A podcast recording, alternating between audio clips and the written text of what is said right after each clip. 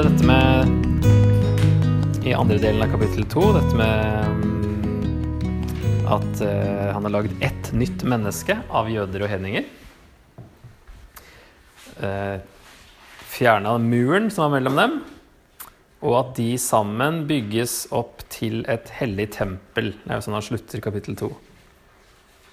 At uh, alle som tror, uansett jøde eller hedning, er en del av dette hellige, åndelige tempelet som bygges opp til en bolig for Gud i ånden. Så Gud bor i menigheten, og den menigheten består av jøder og hedninger, og det er kjempestort for Paulus.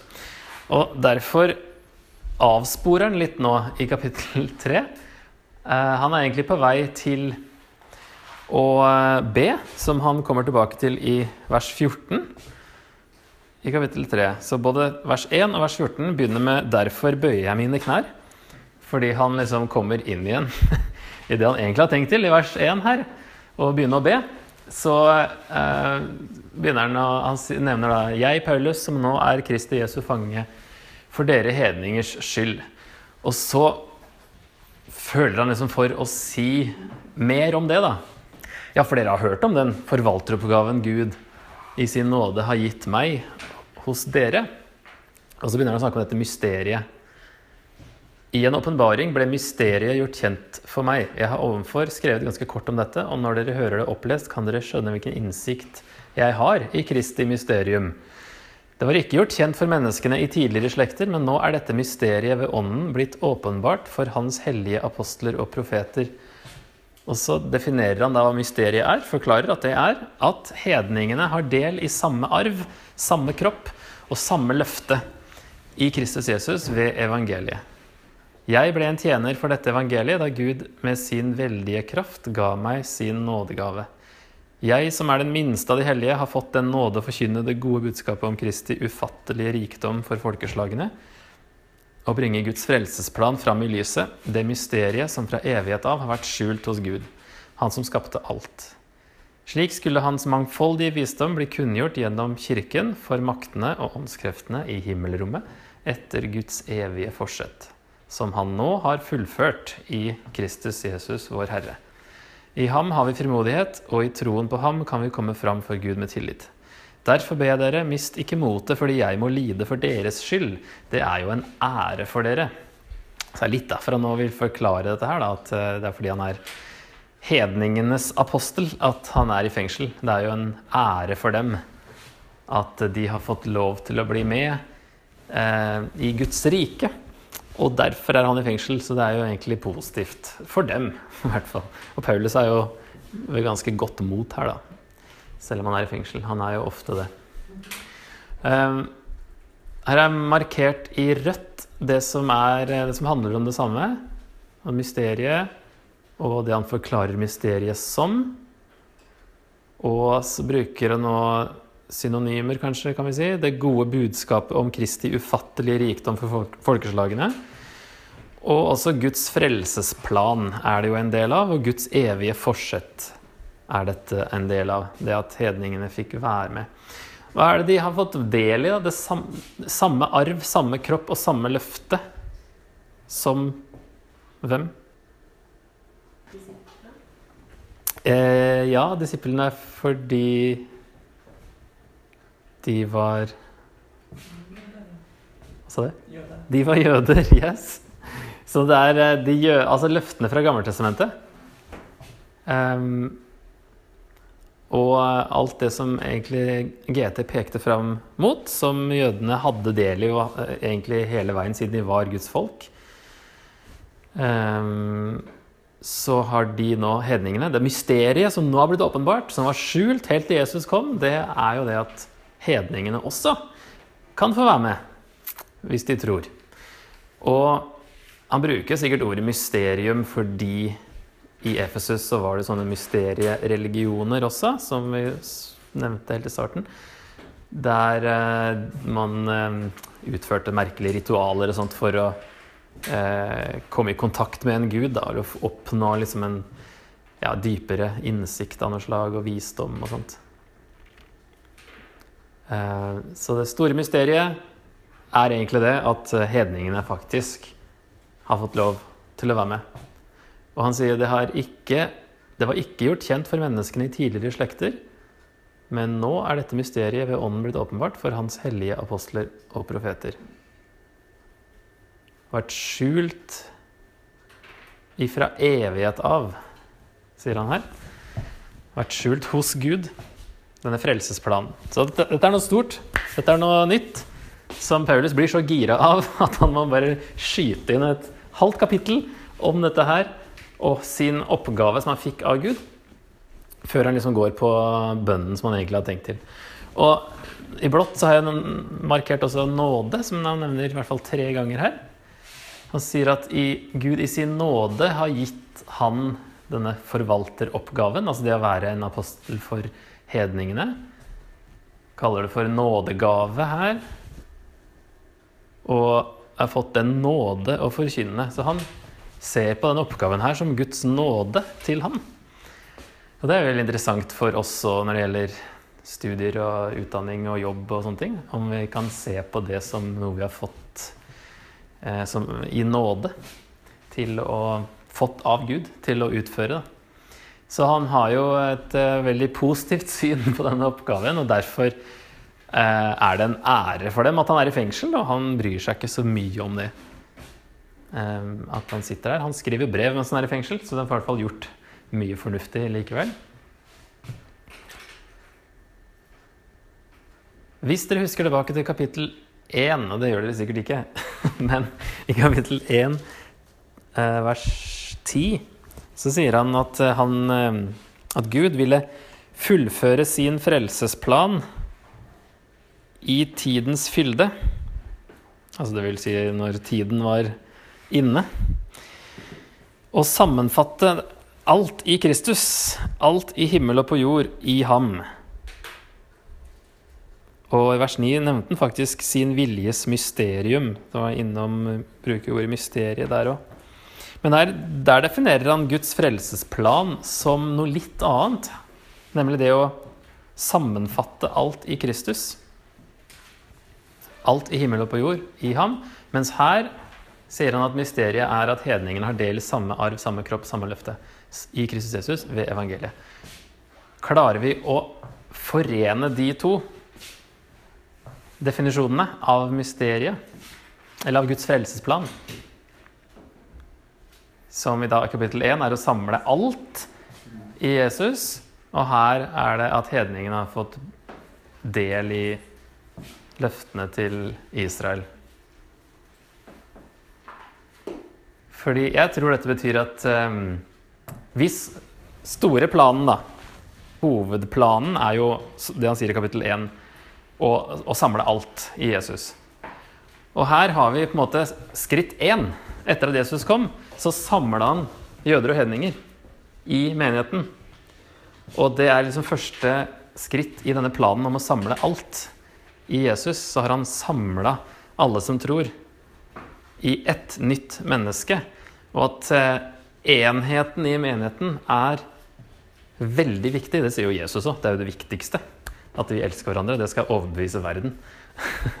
Så det er, det er det vi må bruke mest tid på egentlig når det gjelder evangelisering og misjon. Det er jo å elske hverandre. Eh, sånn at eh, vi ved å jobbe for enhet, så jobber vi jo med Gud i hans frelsesplan om å samle alt.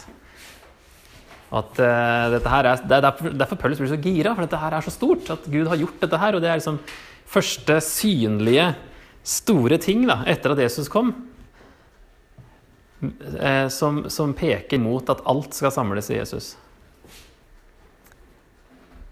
Hvis vi ved å elske hverandre jobber sammen med Gud på hans frelsesplan, så vil det også si at ved å, eh, det som Paulus kommer til senere i brevet, da, ved å eh, ikke behandle hverandre bra, spesielt innad i menigheten, så jobber vi mot Guds plan. Når han enhet er superviktig, og det peker framover mot at alt skal samles under Jesus igjen eh, når han kommer tilbake. Eh, så kommer han til den bønnen da, i eh, vers 14. Um, det står for så vidt ikke her i vers 1 så står egentlig ikke 'bøyer jeg mine knær'. Det står egentlig bare 'derfor'. Jeg, Paulus, som er Kristi fange. Eh, det er det. Og så sporer han av. Men de har jo gjort det synlig her, da, at eh, han kommer tilbake til eh, det han egentlig hadde tenkt til. Det er to ord som, som utgjør 'derfor' her, da, så det er litt synligere at han liksom henter seg inn igjen, enn om det bare var det vanlige Eller et annet vanlig ord for 'derfor'. For den, av denne grunn, kan vi si da. Så derfor bøyer jeg mine knær for Far, Han som har gitt navn til alt som kalles Far i himmel og på jord. Må Han som er så rik på herlighet, gi deres indre menneske kraft og styrke ved sin ånd. Må Kristus ved troen bo i deres hjerter, og dere stå rotfestet og grunnfestet i kjærlighet. Må dere sammen med alle de hellige bli i stand til å fatte bredden og lengden, høyden og dybden, ja, kjenne Kristi kjærlighet som overgår all kunnskap. Må dere bli fylt av hele Guds fylde. Han som virker i oss med sin kraft og kan gjøre uendelig mye mer enn det vi ber om og forstår. Ham være ære i kirken og i Kristus Jesus gjennom alle slekter og evigheter. Amen. Og så er den liksom ferdig med del én, så det er liksom en avslutning her, um, hører vi. Så her hadde jeg tenkt å Det jeg har eh, markert også, er jo Det handler her om uh, det indre mennesket og hjertet, deres hjerter. At Gud må ja, Her skulle det også vært understreket en 'må' der. For han ber jo tre ganger om ting som Gud Han ber om at Gud skal gjøre. At han skal gi deres indre menneske kraft og styrke ved sin ånd. Det er jo på den måten det skjer. Og at Kristus må bo i deres hjerter ved troen. Så det er måten det skjer på. Eh, og det er nok synonymer, indre menneske og hjerte. Ettersom hjerte er eh, Det betyr veldig mye. Det betyr ikke bare eh, det vi tenker på hjertet, at det har med følelser å gjøre, som det ofte assosieres med. Eh, men det betyr egentlig alt vi er. Inkludert at det er noe fysisk også, som hjertet gjør. Men her snakker han jo om alt det andre som de tenkte på med hjertet. Så det er ikke noe snakk om hjerne i Bibelen. Eh, er, alt er hjertet. Alt ligger der. Så det her betyr ikke at du har en eller annen følelse. Eh, det er liksom at du har Jesus i hjertet. Da går du rundt med en, med en sånn følelse hele tida eh, av et eller annet. Men at Jesus er sentrum for alt vi er. Han bor i vårt indre og i alt, alt vi er, og at det bør påvirke egentlig hvordan vi lever og eh, våre følelser og eh, ønsker og tanker og avgjørelser. Um, ja, så det ligger liksom mye mer i det her enn det som kanskje vi først tenker på med å ha Jesus i hjertet.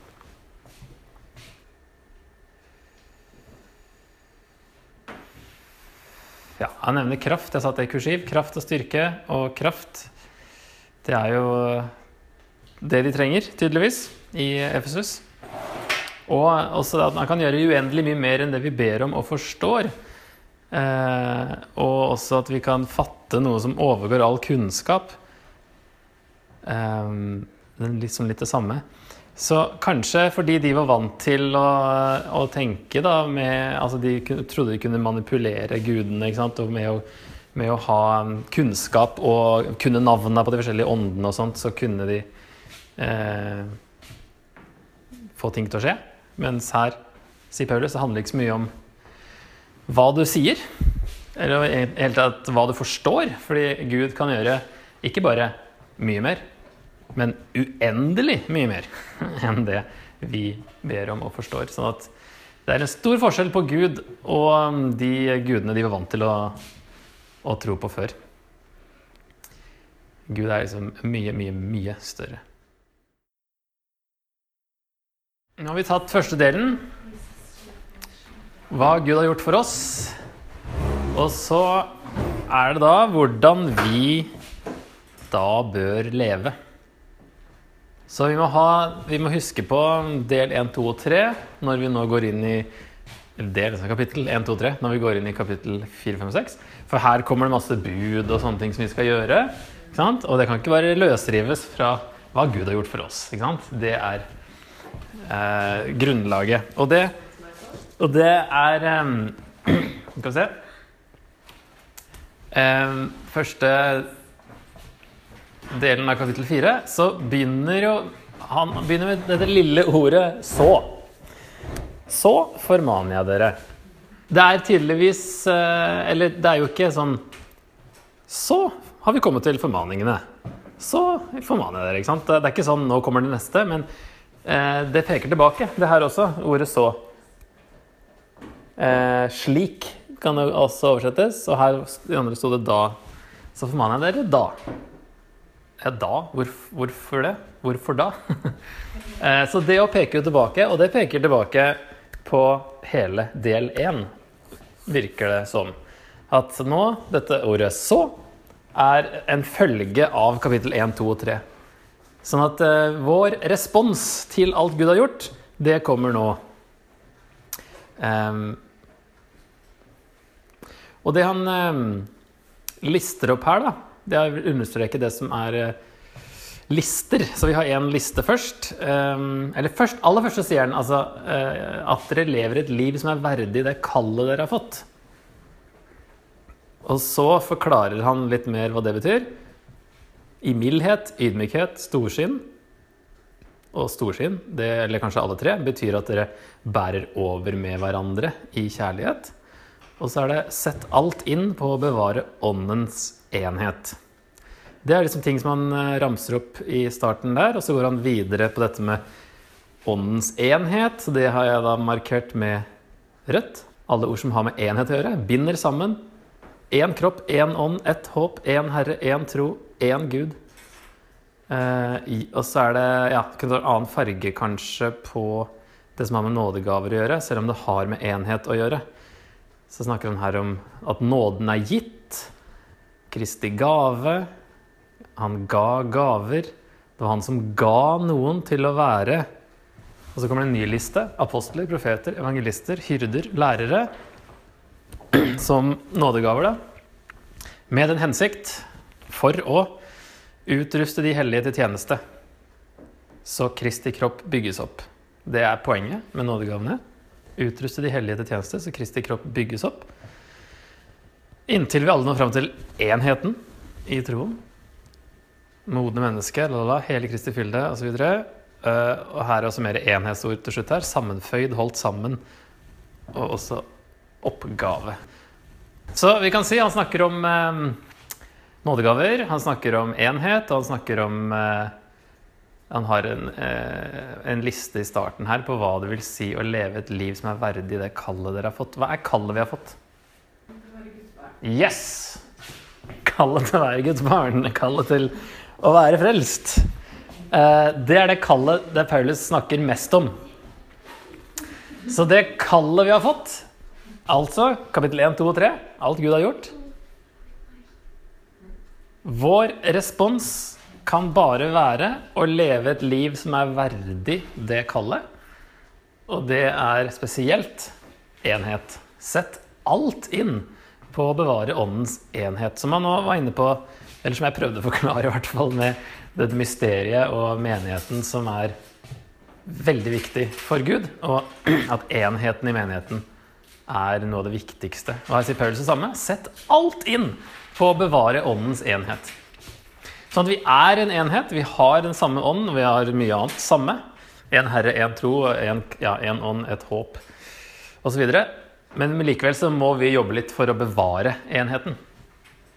Fordi vi har sånn syndig natur som driver og ødelegger, blant annet. Så uh, irriteres vi av hverandre, og så må vi prøve å fikse opp i ting og, og sånt.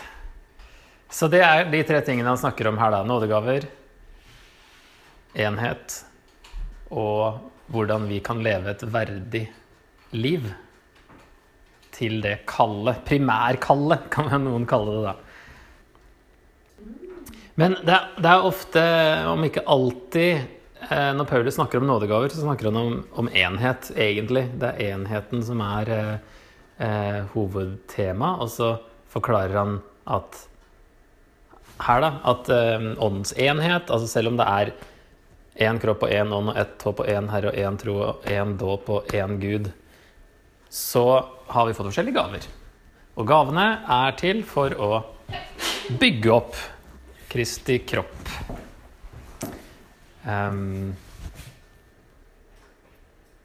her lister han bare fem, da. Apostler, profeter, evangelister, hyrder og lærere. Som jeg tror ikke vi trenger å skille ut som noe annet, som det av og til gjøres. Fordi det er aldri den samme lista Paulus kommer med når han kommer med nådegaver. Ok, um, kanskje greit her da. Overblikk. Skal vi se på siste biten der. Den snakker om det gamle og det nye mennesket. Ja, her uh, Det gamle og det nye mennesket er vel overskriften her òg. Det er vel kanskje de, mye av de jeg har beholdt, egentlig. Her snakker han om å ikke leve lenger slik som hedningene. Beskriver dem som eh, altså Deres tanker er tomhet, deres forstand formørket. Og de er fremmede for livet i Gud. De kjenner ham jo ikke, og deres hjerter er forherdet. Egentlig så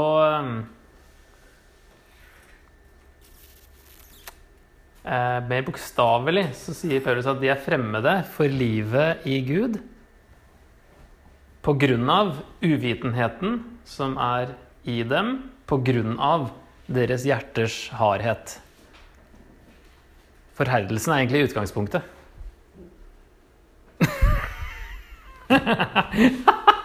det er jaw drop her borte. De for, ja, men Det er det samme som romerne 1, egentlig. Men der vinkler Paulus det som at uh, Gud gir dem over. Gud har forherda. Mens her får vi det menneskelige perspektivet, at menneskene forherder seg sjøl. Samme som med farao i andre Mosebok. Helt umulig å finne ut av om det er Gud eller farao sjøl som forherder farao. For det går så om i hverandre. Bare Gud vet hvordan det henger sammen. Men her i Feserne så er det mer det at mennesker her er forherda. Eh, derfor kjenner de ikke Gud, derfor er de fremmede for livet i Gud. Deres forstand er formørket, og i 1.18 så sa han at eh, må han gi dere lys til hjertets øyne. Det kan være en parallell da, kanskje til hjertets øyne og forstand eventuelt, og at eh, man er formørket før man får lys. Eh, men det er en veldig, sånn, veldig generell karakteristikk da, av hedningene som lever eh, i tomhet og mørke, er fremmede for Gud. Eh, og de er forherda. Avstumpet. Altså egentlig sånn følelsesløs. Det er sånn samme ordet tror jeg som brukes når du får hard hud og ikke kjenner lenger. Sånn f.eks. går barbeint eller noe sånt, så blir du mer herda. ikke sant? Og spiller gitar. Første gang du prøver å spille gitar, så får du ganske vondt framme på fingertuppene fordi huden da må herdes. Så det er litt der at de har eh, forherda seg, at de ikke kjenner De føler ikke lenger. Gitt seg over til et utsvevende liv. De er urene og grådige i alt de gjør. Så her er nok en generalisering. At uh, alt de gjør, er de urene og grådige. Men dere er ikke slik. Selv om de var jo slik. ikke sant? De er, eh, de er jo hedninger, så de levde jo sånn før. Men dere er jo ikke slik. Dere har gått i lære hos Kristus. Dere har hørt ham og fått opplæring i ham ut fra den sannhet som er i Jesus. Derfor Det står ikke derfor, men vi legger det til. Lev da ikke som før, sånn som dere var, men legg av det gamle mennesket som blir ødelagt av de forførende lystene. Bli nye i sjel og sinn, kle dere i det nye mennesket, som er skapt i Guds bilde til et liv i sann rettferd og hellighet. Så kommer det eksempler. Legg derfor av løgnen. I stedet, hva skal de gjøre? Snakke sant til hverandre. Hvorfor? For vi er hverandres lemmer. Ikke sant? Vi er del av samme kropp. Da er det veldig upassende å drive ljuge til hverandre. Hvis vi skal sette alt inn på å bevare enheten som vi har i Jesus. Blir dere sinte, så synd ikke og la ikke solen gå ned over deres vrede. Gi ikke djevelen rom. Det høres ut som det hører sammen. Eh, at eh, en løsning da, på dette med sinne er å gjøre opp før dagen er over. sånn at ikke djevelen får rom til at det lages eh, bitterhet, eller at det får gro eh, til noe verre. Gjøre opp så fort du kan. Den som har stjålet, skal ikke lenger stjele. Det, altså, løsningen er å slutte å stjele, men ikke bare det. Han skal også arbeide og gjøre noe nyttig med sine egne hender. Hvorfor det? Så han kan ha noe å gi til den som trenger det. Så egentlig er det å gå helt i andre enden av å, av å stjele. Det er ikke bare å slutte å stjele, men du skal faktisk gi. Altså, hvis du er redd for å bli grådig eller uh, gjerrig, så er det god medisin å gi, gi penger. Vær sjenerøs. Så dras du liksom uh, lettere unna grådigheten. La ikke et eneste råttent ord komme over leppene. I stedet, si bare det som er godt, og som bygger opp der det trengs Hvorfor? Så det kan bli til velsignelse for dem som hører på. Så hele veien så har han en, en motivasjon eller en begrunnelse eller, eh, ja, for, for, hvorfor de skal slutte med en ting og begynne med en annen ting i stedet. Gjør ikke Guds hellige ånd sorg, for ånden er det seil dere er merket med, helt til frihetens dag. Litt vanskelig å vite hva, om det henger sammen med det forrige eller det neste, eller om det er en egen sak som man ikke definerer helt hva det vil si å gjøre Guds hellige ånd sorg. Men eh, det vil nå i hvert fall være i konteksten, tror jeg, og siden åndens enhet var det han snakka om i forrige avsnitt. Um, jo, kanskje henger, med, henger, fast, henger sammen med den forrige, da. At det å bygge opp Kristi kropp var jo poenget med nådegavene, og enheten bygger opp. Og når vi eh, ikke sier bare det som er godt, hvis vi sier råtne ord og bryter ned enheten, bryter ned andre kristne, da kan det kanskje være at vi gjør Guds hellige ånd sorg. Utrolig merkelig å si 'gjøre noen sorg', men uh, Jeg vet ikke om det står noe annet i den andre, men det har stått sånn lenge. Slutt med all hardhet og hissighet, med sinne, bråk, spott og all annen ondskap. I stedet, vær gode mot hverandre. Vis medfølelse og tilgi hverandre. Hvorfor? Fordi Gud har tilgitt dere i Kristus. Derfor må vi jo tilgi andre og være gode mot andre og slutte med ting som er det motsatte av det. Så det her er liksom det paradokset da, med at Gud har gjort alt i kapittel 1, 2 og 3. Eh, likevel så må vi og efeserne da legge av det gamle mennesket. Og bli nye. Og kle oss i det nye mennesket. Sånn at alt er liksom gjort ferdig, gjort klart. Men vi må være litt involvert i dette her også. Og, og eh, Selvfølgelig får vi hjelp av Guds ånd og av ny, eh, nytt, et sinn som fornyes. Bli nye i sjel og sinn. Vi er jo blitt nye i sjel og sinn, men fortsatt bli nye i sjel og sinn. Det er veldig typisk Paulus. sånne her. Han sier neste avsnitt òg. Dere er lys, derfor lev som lys. Altså det er veldig, Bli det dere har blitt kalt til å bli. Bli det potensialet dere har fått.